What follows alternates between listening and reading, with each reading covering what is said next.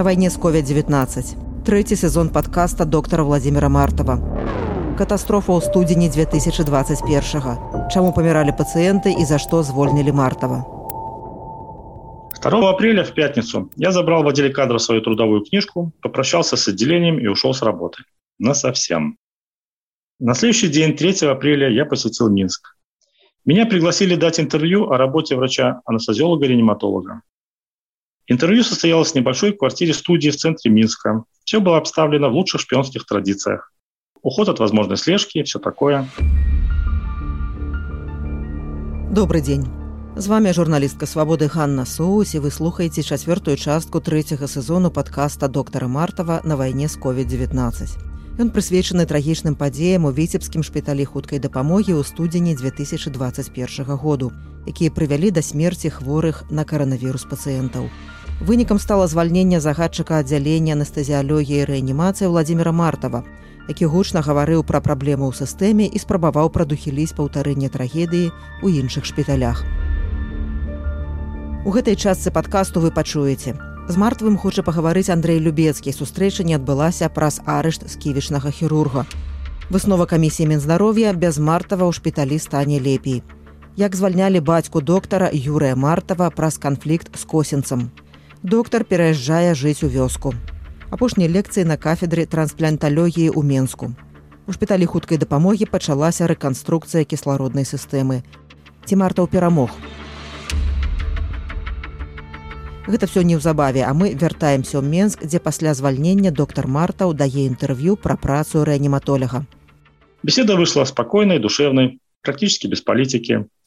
Организована она была в рамках выставки «Машина дышит, а я нет», посвященной ковиду в Беларуси. Выставку подготовила общественная организация «Звено». Ее название взято из текста записки одной из пациенток с ковидом, которая находилась на лечении в отделении реанимации. Кроме того, на выставке были представлены фотографии Олеся Белецкого, который он сделал, когда я завел его в красную зону своей БСМП в апреле 2020 года.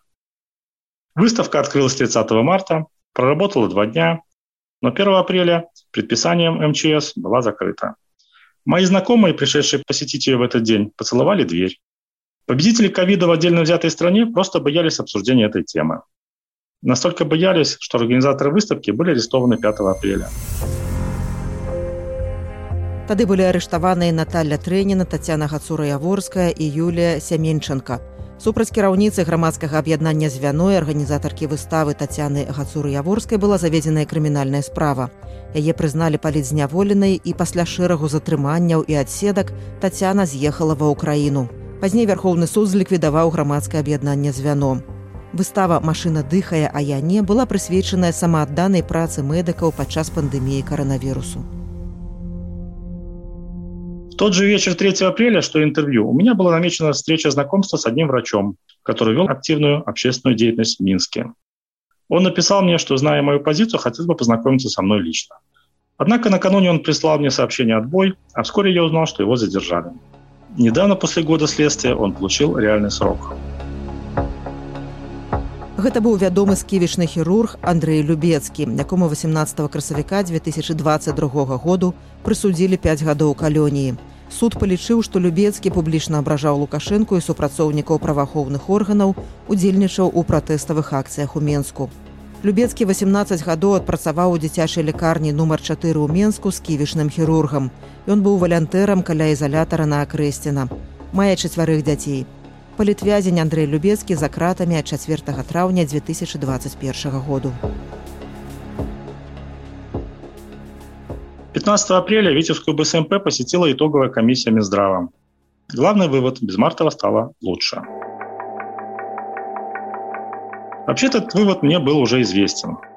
Много лет назад, примерно в моем возрасте, с должности профессора и заведующего кафедры общей хирургии Витебского медуниверситета уволили моего отца, Мартова Юрия Борисовича.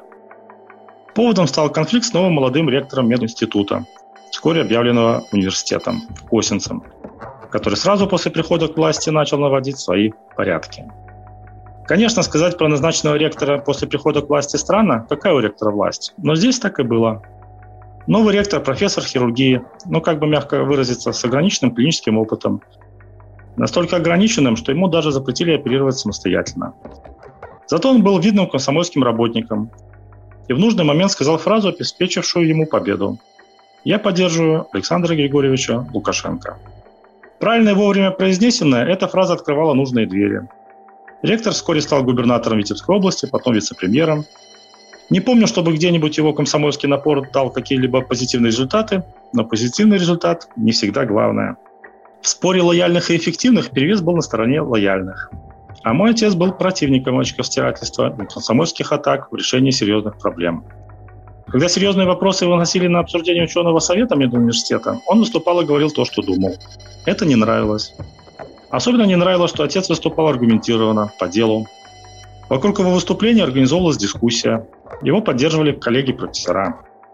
Однажды ректор Косинец не удержался и прикрикнул на моего отца «Заткнись!», на что получил достойный отпор. Понятно, что дни работы отца в университете были сочтены.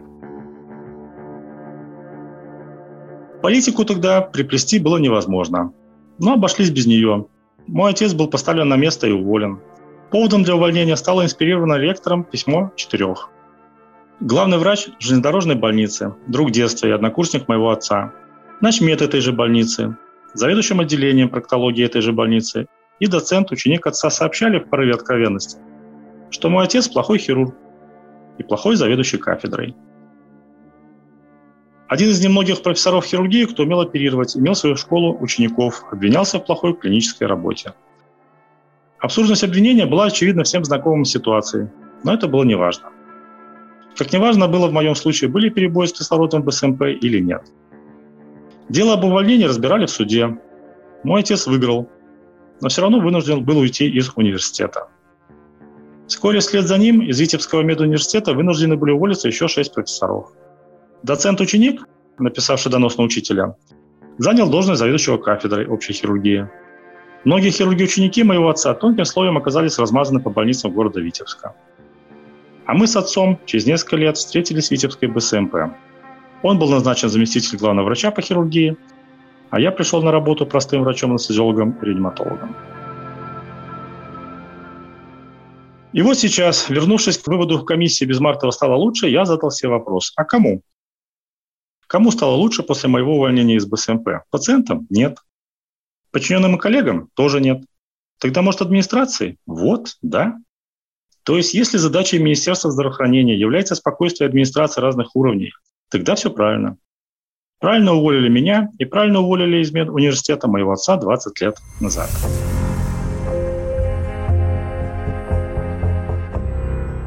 Вясной 2021 году без працы засталося шмат беларускіх лекараў. За каментар пра сілавікоў кардыёляга Алену Баранаву звольнілі з РНПЦ маці і дзіця і з прыватнага медцэнтру ладэ. Доктара Руслана Бадамшына звольнілі з РНПЦ неўралогіі неўрахірургіі. Са жніўня 2020 году яго затрымлівалі 5 разоў. Руслан правёў пад арыштам 64 дні.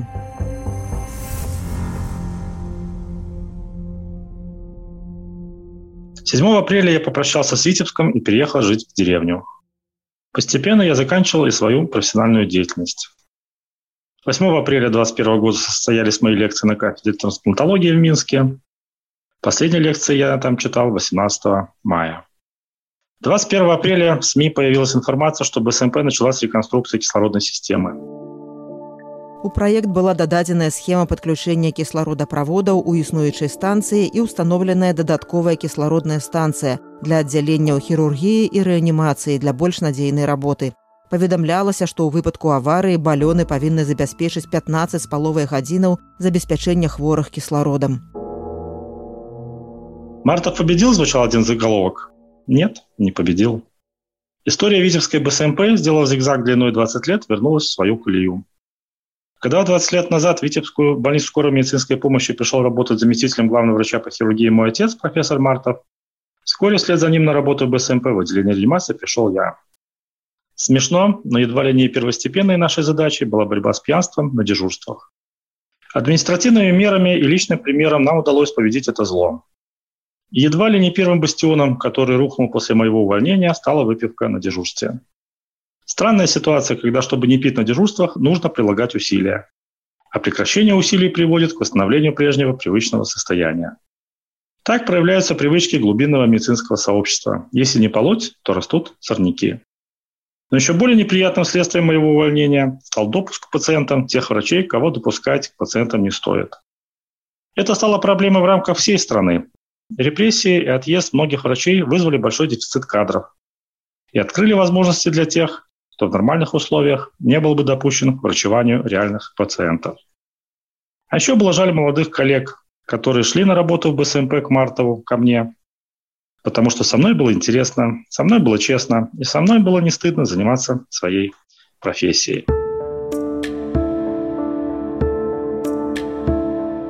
22 красавіка 2021 году ў Менску на ініцыятыву вернікаў на залатой горцы на цвінтары касцёла святого рога з'явілася алея памяці медыкаў, якія загінулі ад каранавірусу. Вернікі разам з пробышчам парафіі ксяндзом канонікам Юрэм Санько высадзілі алею сотні кустоў бэзу. Колькасць кустоў прыблізна роўная колькасці лекараў, якія аддалі жыццё ў час барацьбы з пандэміяй. Тема, которая меня всегда очень волновала, это солидарность.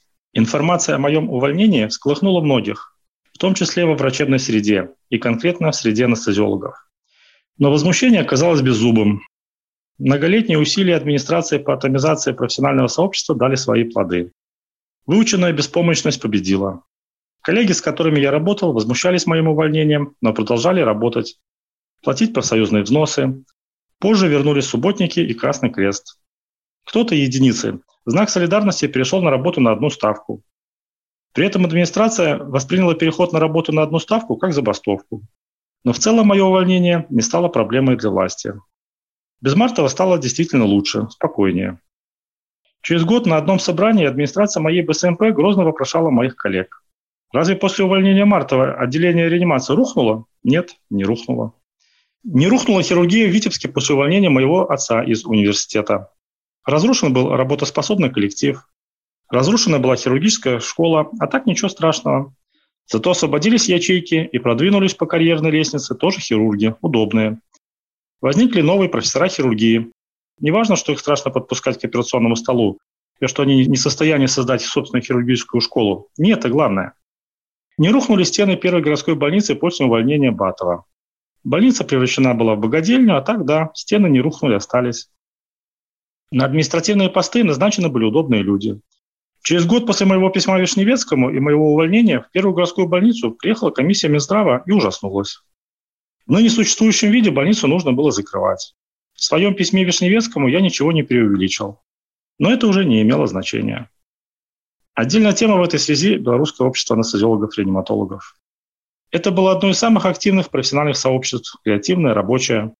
Период, когда наши коллеги попали под судебное преследование по причине профессиональных неудач, а это, как правило, следствие плохого законодательства и незрелости системы организации здравоохранения, оно проявило свои лучшие качества. Теперь же ничего сделать было нельзя. Со мной разбирались с высочайшего повеления.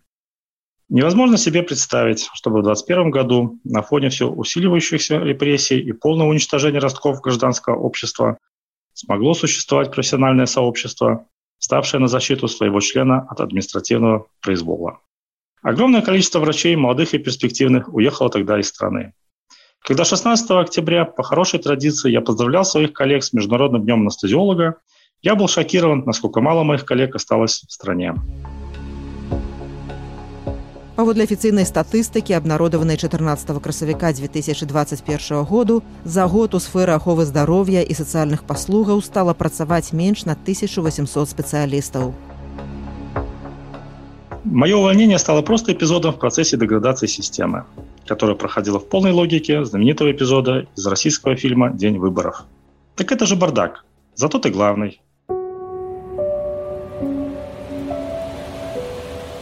Гэта апошняя частка падкасту доктар Мартаў на вайне з COVID-19. Все тры сезоны падкаста даступныя на YouTube-канале Свабода прэміум і на ўсіх падкаставых платформах.